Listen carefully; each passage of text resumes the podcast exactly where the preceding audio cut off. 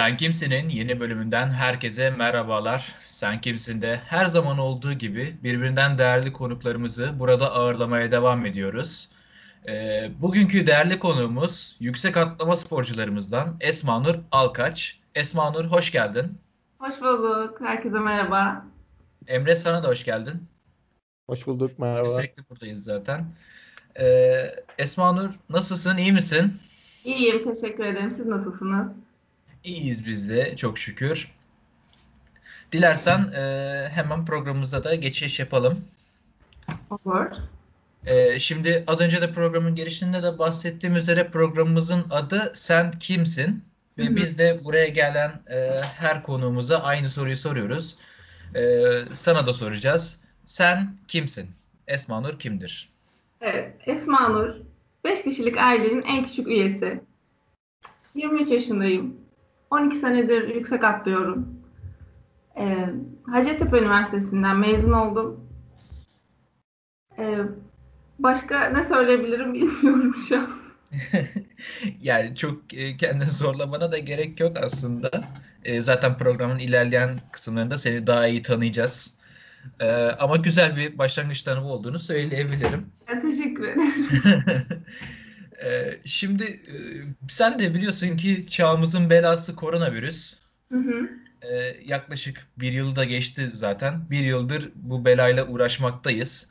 E, sen bu pandemi sürecinde neler yaptığını soracağım. Yani şu geriye baktığımızda bir yıllık süreci senden bir değerlendirmeni istiyorum. E, bu süreç içerisinde daha önce yapmadığın ama şimdi yapmış olduğun bir aktivite var mı? Sana bir şey kattı mı ya da senden bir şeyler götürdü mü? Çok şey kattığını söyleyebilirim. Hiç o kadar kattığı kadar da götürdüğünü söyleyebilirim. Ee, öncelikle biz ilk bu korona başladığı zaman yani ülkede ilk böyle yayılmaya başladığı zamanlarda yasaklardan dolayı bir eve girdik ve artık sürekli e, duran, stabil hareketlere döndük. Neler yapabiliriz? Evde ya da sitede, dışarıya çıkmadan. Yani o süreç beni biraz zorlamıştı. Çünkü biz daha böyle koşmak istiyoruz sürekli. Yani istediğimiz alanı kullanabilmek istiyoruz. O yüzden en başlarda çok zorlandım. Yani antrenman anlamında bayağı zor geldi. Sonradan zaten izinler falan olunca stadyuma falan gitmeye başladık. Yani normalleşmeye döndükçe kendimizi bulduk diyebilirim yeniden. Evde kaldığım süre boyunca da kendimi dinlemeyi öğrendim galiba. Bir durup nefes aldık hep beraber.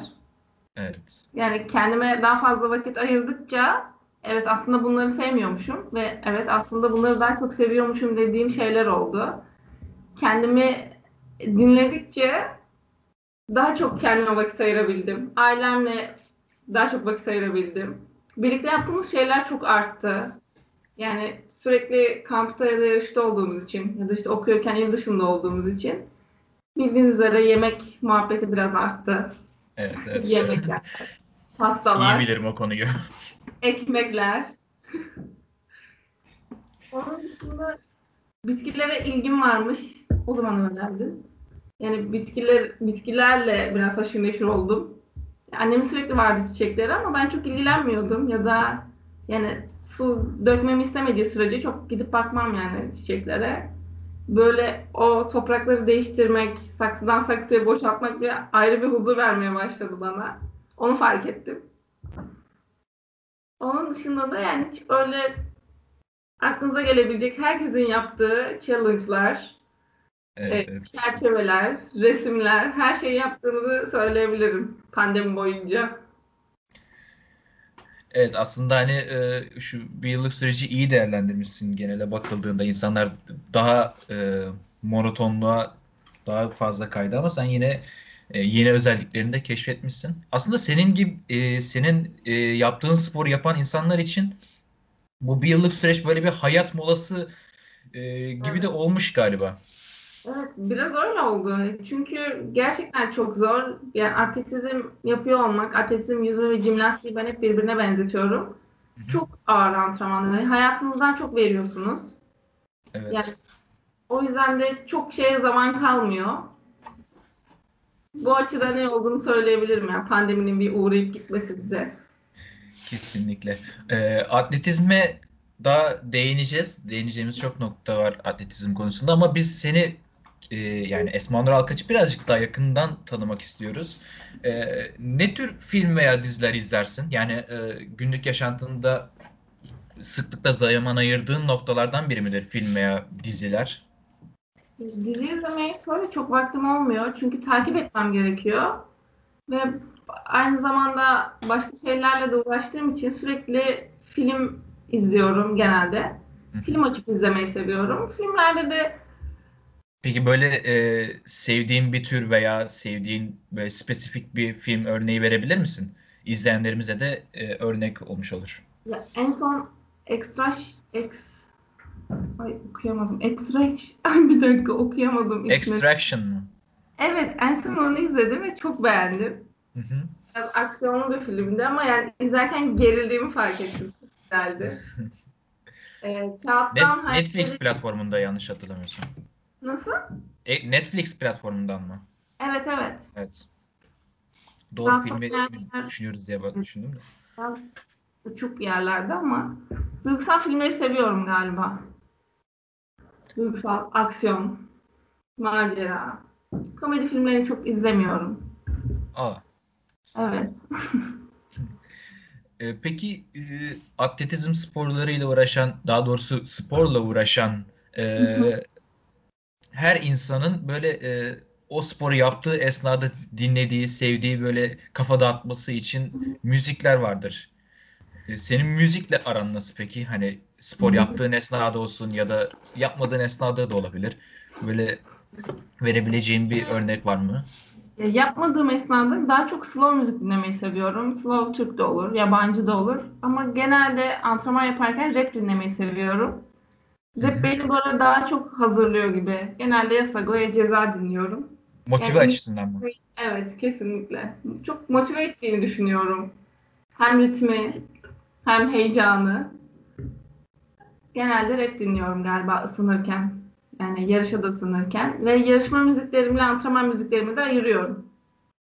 Aynı şeyleri de dinlememeye çalışıyorum. Aynı durağanlıktan kurtarmak için. Ee, peki son olarak şöyle de bir e, kitaplara doğru da bir e, yönelelim istiyorum. Kitaplarla aran nasıl? Yani e, çok aktif bir hayat yaşıyorsun. E, Evet. sürekli olarak hareket halindesin. E, kitaplarla böyle kendini e, en azından daha rahatlatma adına yakın mısın? Yoksa Evet. hiç o toplarda işin yok mu? Yok var ya. Ayda 2-3 kitap okumaya çalışıyorum aslında. Öyle kendi kendime belirlediğim hedeflerden bir tanesi bu. Ama bu ara biraz başka şeylerle dediğim gibi böyle dil çalışmaya başladığım için kitabı biraz bıraktım. Ama kitap okuyordum ya ayda 2-3 tane. Yani yapabildiğim kadar en fazlasını okumaya çalışıyorum. İyi geldiğini düşünüyorum. Başka bir dünyaya götürüyor beni. Evet, kesinlikle bence de e, bir insan hayatında gerekli yani olması gereken noktalardan birisi kitap okuma alışkanlığı da. Buradan kopmamız gerekiyor bazen. Orası başka bir dünya olunca biraz dinlendiriyor bizi. Evet. Peki spesifik bir örneğin var mı kitapla ilgili? Ya ben Kristin Han'ın kitaplarını çok beğeniyorum. Yani Gece Yolu'nu çok beğenmiştim. Yani 2-3 kere falan okurum herhalde. En sonunda mitolojik okudum ve çok hoşuma gitmedi. Kirke'yi, ben Kirke'yi okudum. Biraz mitolojik olarak çok hoşuma gitmediler. Yani çözemedim aslında. Sonrasında bir saçma gelmeye başladı. Kendi istediğim türü bulamadım yani bu aralar. Kitaplardan sıkıldım o yüzden. O yüzden dil çalışmaya vurdum kendimi. Şu an İngilizce çalışmaya başladım. Şimdi e, zaten İngilizce çalışmaya başladın. Kendi e, sosyal hayatında da işte müzik türün olsun, izlediğin filmler, kitaplar vesaire. E, buralarda da en azından pandemide kendine de bir zaman ayırmışsın. Hem Hı hı. aile e, aile bağın da arttı. Kendin de söyledin zaten. Bitkilere ilgin olduğunu fark etmişsin Evet. gibi durumlar. Şimdi ben e, daha da şimdi ilerleteceğim konuyu. Şöyle bir şey soracağım. Bu genel bu arada e, sporcuların hemen hemen yakındığı da bir dert diyeyim. Hı hı. Şimdi okul hayatın nasıl gidiyor? Çünkü şöyle bir durum var. E, özellikle Türkiye'deki sporcularda bu çok var. hem okul ve e, hem uğraştığı spor dalını yürütmekte çok zorlanıyor. Yani bazı Evet. okullar buna kolaylık sağlayabiliyordur belki. Sağlıyor diyenler de oldu çünkü. Ama genelleme olarak bir zorlanma söz konusu. Şimdi son bir yıldır hatta bir buçuk yıldır bir online eğitim süreci başladı. Ee, hem dünyada hem Türkiye'de. Şimdi online eğitim süreciyle birlikte senin bu sporla olan ilişkin nasıl bir durumda? Çünkü önceden yani daha analog diyeyim ben o döneme. Daha analog dönemde zorlan muhtemelen zorlanıyorsundur diye tahmin ediyorum. Şu an online eğitimde olmasının sana ne artısı var? Hem eğitim olarak hem spor dalını olarak soruyorum. Şöyle söyleyeyim, benim eğitim olarak şu anda okulum bittiği için online eğitime kaçırdım ben aslında. Ee, şu an yüksek lisansa hazırlanıyorum ve şu anda girdiğim herhangi bir dersim yok. O yüzden online çok kullanmıyorum.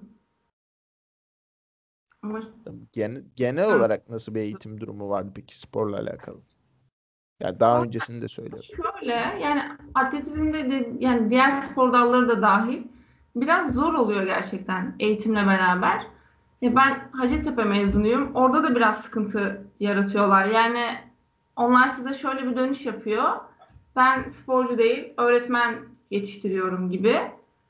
Oraya yani ikisini bir arada yürütmek için aynı şehirde falan olmak gerektiğini düşünüyorum.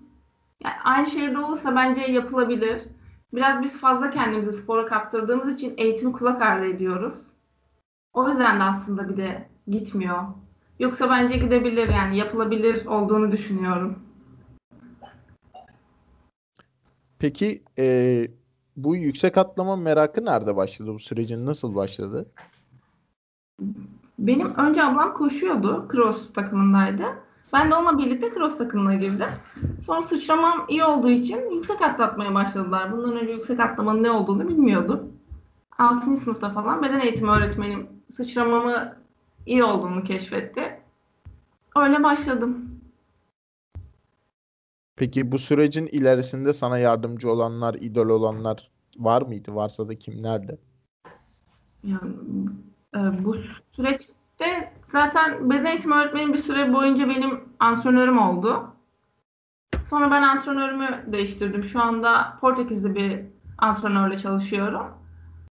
Yani Türkiye'deki idolüm tabii ki de Burcu Yüksel. Bu işin bir numarasıdır. Ya dünyada da Ma- Mariela Siskene'yi çok beğeniyorum. Hala da odur favorim. Ee, peki şimdi birazcık da e, kendine yönelik bir soruyla devam edeyim atletizm sporuna. İlk kez profesyonel arenada e, boy gösterdiğinde, ilk kez o e, rekabet ortamına daldığında neler hissettin? Senin için nasıldı? Heyecan durumu vesaire gibi konular. İlk profesyonel anlamda Avrupa Milletler Kupası'na örnek verebilirim. İlk A takımımdı çünkü. Ve düşmeye oynuyordu Türkiye o zaman. Ee, ilk iki olan kalabiliyordu grupta. Sonrası düşüyordu. Ve Çok riskli. Hepimizin puanı birbirimize etkiliyordu. Takımda yaşım da çok küçüktü. O yüzden çok gerilmiştim. Üstüne hava durumu da çok kötüydü. Benim için çok kötü bir yarıştı aslında ama çok heyecanlandım. Sonucu da çok kötüydü. Ve sonucu da sonra takıma da yansıdı. Benim için çok iyi bir deneyim olmamıştı ilk yarışım o yüzden. Bütün suçu üstüme almıştım o yarışta. Estağfurullah canım. Yani e, atletizm ne kadar e, bireysel bir spor olarak gözükse de yine de orada bir takım havası da vardır diye tahmin ediyorum ben. Var var. Yani sonuçta tek yani benim hatamdan dolayı olmadı ama daha o zaman bir tecrübesizliğin de verdiği bir şeyle bütün yükü kendime aldığım için çok Evet. zor geçmişti o yarış benim için. Yani bir an önce eve dönmek istiyordum. Peki e, ben biraz daha hafiften tarihi e, geçmişten biraz daha günümüze doğru getireceğim yavaşça. Şimdi Finlandiya'da 2017'de sen bir turnuvaya katıldın. E, o turnuvanın senin için tabii ki bir önemi vardır zaten onu da şimdi burada sormuş olayım. E, bu turnuva sonrası sende hem mental olarak hem e, nasıl söyleyeyim fiziksel olarak işte yaklaşım olarak neler değişti? Çünkü sen kişisel rekorunu bu turnuvadan tam bir yıl sonra geliştirdin. Evet. Bu turnuva e, senin için yani bu kendi geliştirme açısından bir pay sahibidir diyebilir miyiz? Diyebiliriz tabii ki de. Yani başlangıçların yeri diyebilirim Finlandiya için. Çünkü yani A takıma girdikten sonra işi biraz daha ciddiye alıyorsunuz. Evet gençlerde ya da işte yıldızlarda milli takıma girmek çok gurur verici. Ama A takımda biraz daha gerçekten Türkiye'yi temsil ettiğini anlıyorsun. Yani o bilince vardığın için yaptığın her şey yani formayı giydikten sonraki her şey göze batıyor gibi ve bütün sorumluluğu sana ait gibi hissediyorsun. Yani ben o yarıştan sonra evet yapabileceğimin farkına vardım. Yani hata etmiştim ama daha iyi olduğumu biliyordum. Yani o süreç profesyonelliğe geçiş süreci benim için yani iyi kullandım o süreci diyebilirim. Yani belki kötü olması benim için iyi oldu. Çünkü daha da kendime geldim sonrasında. Peki e, bu turnuvada aslında kendinde dediğin gibi biraz daha yapabileceğini de keşfettin zaten. Kendinde söyledin. Bir yıl sonra kendini geliştirdin. Kişisel rekorun da arttı.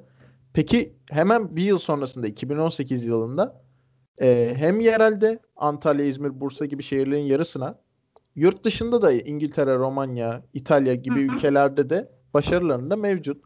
Ee, evet. Ve bu turnuvalar arasındaki süre farkı da çok fazla değil. Hemen hemen bir aylık bir ara var. Hı hı. Bu zor, aslında zorlu da bir süreç. Nasıl atlattın peki bu durumu? Şöyle oldu. Biz zaten e, hazırdık ilk bu sezon başlarken. Ya üst üste olması aslında bizim için iyi oldu. Sadece yolculuklar biraz sıkıntıydı. İşte haftada bir yurt dışına çık, gel biraz daha problemliydi ama bir yandan da çok yarış yarışmak bizim e,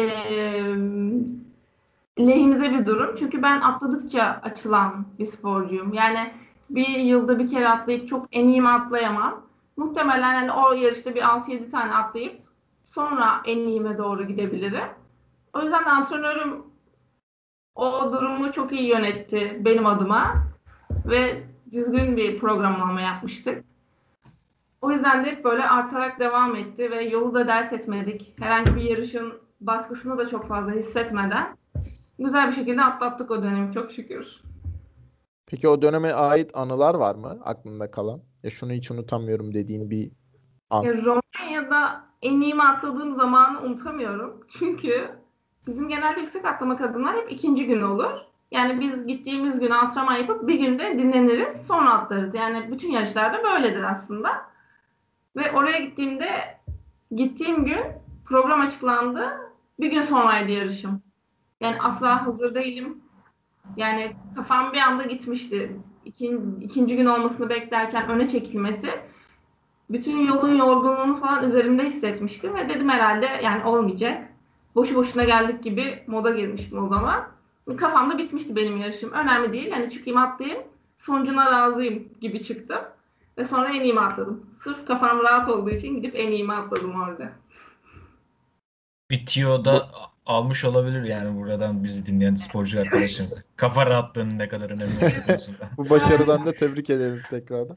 Teşekkür ederim. Kafamın rahat olduğu için gidip en iyimi atladım yani. 88'i de belki atlayabilirdim ama kafa olarak o kadar hazır değildim ki. Yani 84'e atladığımda bile yok yani atlamamışımdır gibi. Minderden inene kadar kendime çok inanamamıştım.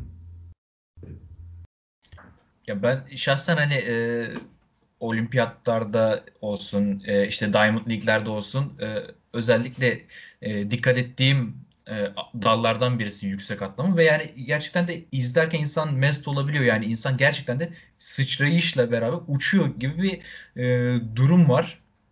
Gerçekten de yaptığınız şeyi takdir etmemek elde değil bu konuda. Teşekkür ederim.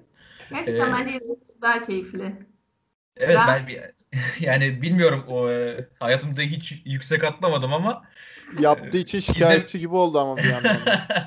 şikayetçi değil de mesela antrenman arkadaşım var. Ben onu izlerken çok heyecanlanıyorum. Heyecan ya çok heyecanlanmıyorum değil miyim de böyle hani geçecek mi geçemeyecek mi izlerken böyle iki büklüm falan oluyorum sürekli. Ama kendimi biliyorum. Koşarken anlıyorum ben atlayıp atlayamayacağımı. O yüzden çok heyecan yapmıyorum. Tabii yani e, bir de e, şeye düştükten sonra e, artık ona ne diyorsunuz? O pufun üzerine düştükten sonra o çubuğun bir sallanıp sallanmama, düşüp düşmeme anı var. O saniyeden bile az olan o milisaniyelik dönemde. o insana ayrı bir e, heyecan katıyordur. Evet yani siz onu beklerken saniyeler oluyor ama bizim için orada bir aylar geçiyor. Düşecek mi, düşmeyecek mi minderde bekliyoruz. Hiç o aşamaya bırakmamak lazım. Ee, peki şimdi sana şöyle bir soru yönelteceğim Esma Nur. Ee, tabii ki de e, yerel olsun yani e, ülke çapında olsun veya kıta çapındaki e, şampiyonaların elbette çok önemli bir yeri var sporcular üzerinde. E, ancak e, prestij anlamında olimpiyatlar ve Diamond League e, burada birazcık ayrışıyorlar. Hani daha göz önünde olan turnuvalar oldukları için söylüyorum. E, sen de yani kariyerinin daha e, başlarında olmasan da önünde uzun yıllar olduğunu düşünüyorum ben şahsen. E, senin Diamond League hedefin var mı? Yani Diamond League gibi değil de yani olimpiyat hedefim var. Çünkü Diamond League biraz böyle e, nasıl söyleyeyim normal 86-87'leri atladığınızda bile iyi bir menajeriniz varsa oraya gidebilirsiniz. O yüzden o böyle çok hayalmiş gibi olmaz. Hı hı.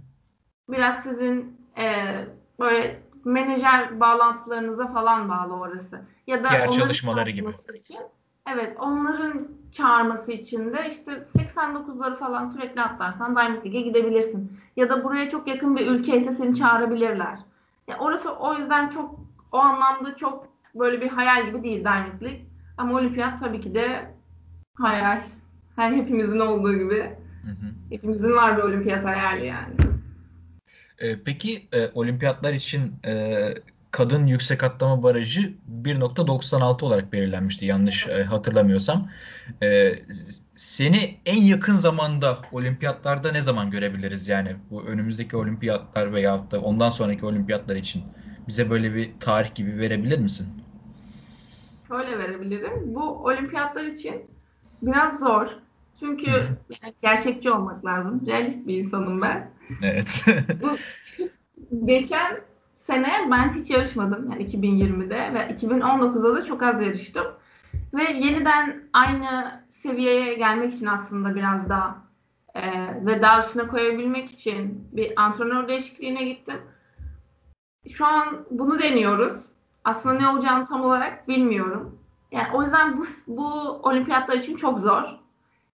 Olsa bile e, muhtemelen eğer 2024 için inşallah böyle bir hedefim var. E, onda da sıralamadan falan gidilebileceğini düşünüyorum. İlk 32 ya da 1.96'yı geçenler gidebiliyor ya. Hı hı, İlk 32'ye evet. en azından girilebilir diye düşünüyorum.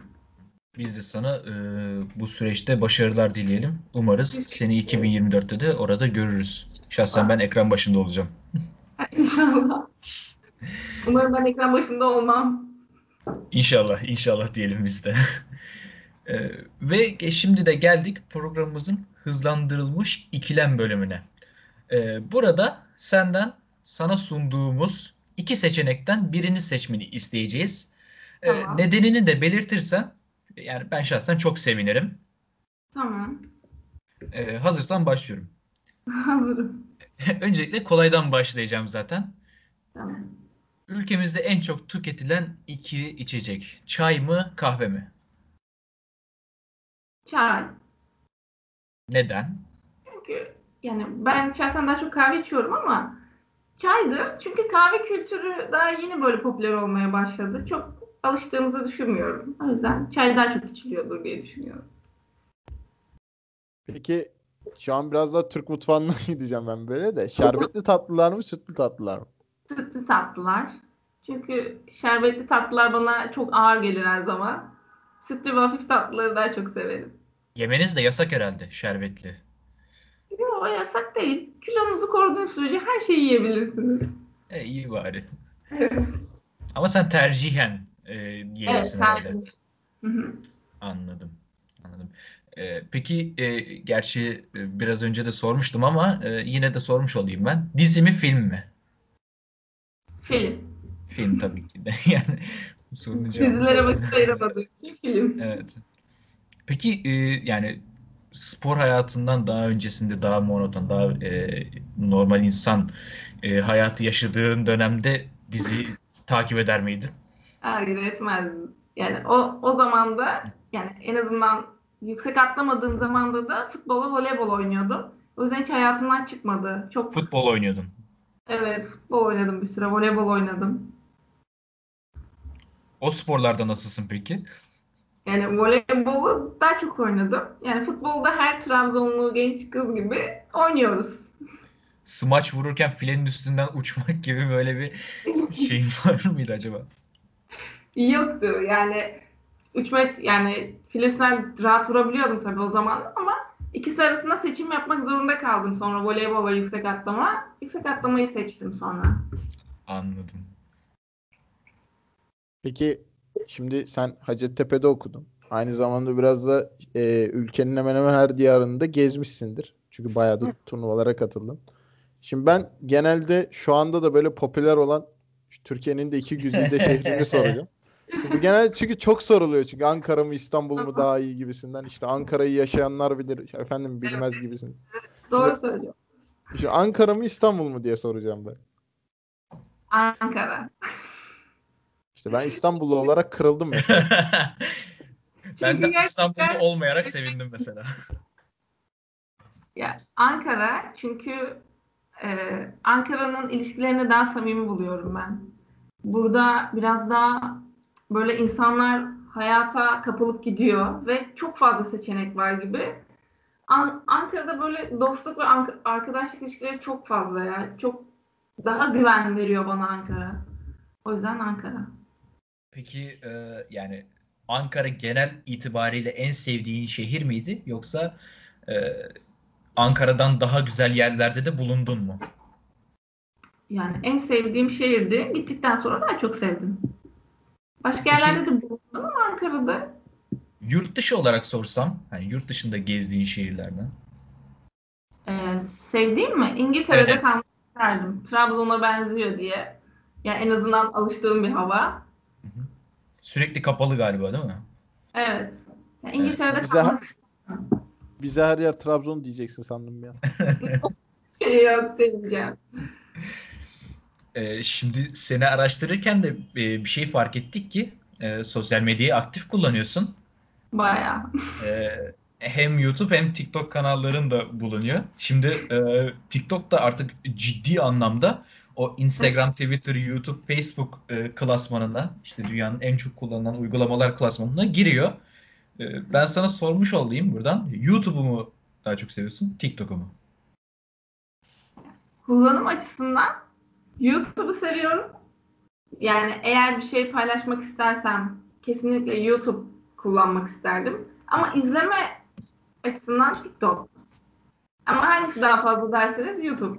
Ya TikTok'u biraz böyle gerçekten etkileşim olsun diye kullanıyorum. Yoksa çok ön yargılıyım TikTok'a karşı. Büyük itiraf da gelmiş oldu burada. Evet. Bu benim merak ettiğim bir şeydi yani. Çok ön yargılıyım evet. Hala da öyleyim. İnsanlara sorulduğunda işte TikTok'u sorduğunda ya TikTok'u izlemekte sıkıntı yok ama TikTok'u çekiyorsan belli bir e, tavır takınıyor karşındaki insan sana karşı. Ya, ufak bir düşüş yaşıyoruz ya klasmanda maalesef. Evet. Ama ilerleyen dönemde bu da bence yavaştan kalkacaktır diye düşünüyorum. En azından gelişen teknolojiyle daha anlamlı ve daha e, kurgusu güzel TikTok'lar olursa belki YouTube'a bile kafa koyabilir. Şimdi e, geldik kritik bir noktaya. E, şimdi son ikilem sorumuz bu. Hı hı. E, atladıkça daha iyi olan birisiyim demiştin. Evet. Ve biz e, programdan önce Emre ile bunu düşündüğümüzde hani yüksek atlamayan insanlar olarak e, düşündük yani şunu seçer bunu seçer gibisinden. Şimdi sana soruyorum lütfen e, dikkatli dinle. İlk iki başarısız atlayıştan sonra son atlayışında başarılı olmak mı? Yoksa ilk atlayışından o e, çubuğu geçmek mi? Başarılı olmak mı? İlk atlayışımda her zaman geçmek. Hmm. Neden Evet. peki? Bunu istiyorum. Bu çünkü sıralamayı çok etkiliyor. Yani ben 2'de geçiyorsam diğer arkadaşım 1'de geçiyorsa o 1 oluyor ben 2 oluyorum. Aynı yükseklikte. Bu, bu Peki açıdan. Bu e, sıralamayı belirlememiş olsaydı hani senin kendi içerisinde e, Yine mental ilk. olarak, duy- duygu olarak Evet yine ilk. Çünkü yine ilk. Evet yani ilk de geçmek demek e, yani hepsini tekte geçiyor olmak demek gerçekten insana ayrı bir güven katıyor. Yarışma içerisinde hani tekte geçip dinleniyorsun. Yani o yarışma çünkü atlayamamak demek bir sonraki atlayışı aynı yerde aynı yükseklikte atlıyor olmak yani yerine oturduğun zaman ufak bir strese neden oluyor. Hani tekrar aynısını yapacaksın ama şunu yapmayacaksın gibi. Ama atladığında evet oldu. Şimdi dinlen. Bir sonraki atlayışa hazırlan gibi kafada oluşturmaya başlıyorsun. Ya bu birazcık daha galiba kişiden kişiye göre değişebilen bir durum. Hani belki de şöyle de düşünüyor olabilir bazı sporcular. Hani ilk iki başarısız atlayıştan sonra ulan bu sefer yapacağım, bu sefer yapacağım deyip kendini daha fazla motive eden e, sporcular olabileceğini de ben şahsen düşünüyorum. Yani çünkü üçüncü akta atlamak biraz gerçekten hem tecrübe gerektiriyor bence.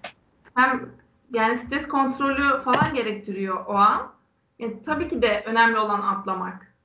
Yani geçsin de kaçta geçerse geçsin. Evet, evet. Yok. Hatice'ye değil neticeye bakacağız yani. Evet, yani tekte geçmek her zaman daha iyi hissettirir yani. Ee, anlıyorum. Ee, böylelikle programımızın sonuna gelmiş olduk. Ee, bugün Esmanur Alkaç Hanım bizlerle beraberdi. Ee, çok teşekkür ederiz programımıza katıldığın için Esmanur. Çok teşekkür ederim. Ee, keyifli sohbet ettiğin için ayrıca teşekkür ederim. Emre katıldığım için. Emre sana da çok teşekkür ederim. Bugün benle beraberdin yine. Teşekkürler. Ee, o zaman sen kimsinden bugünlük bu kadar. Bizi dinleyen herkese keyifli dinlemeler diliyorum. Tekrar görüşünceye dek hoşçakalın.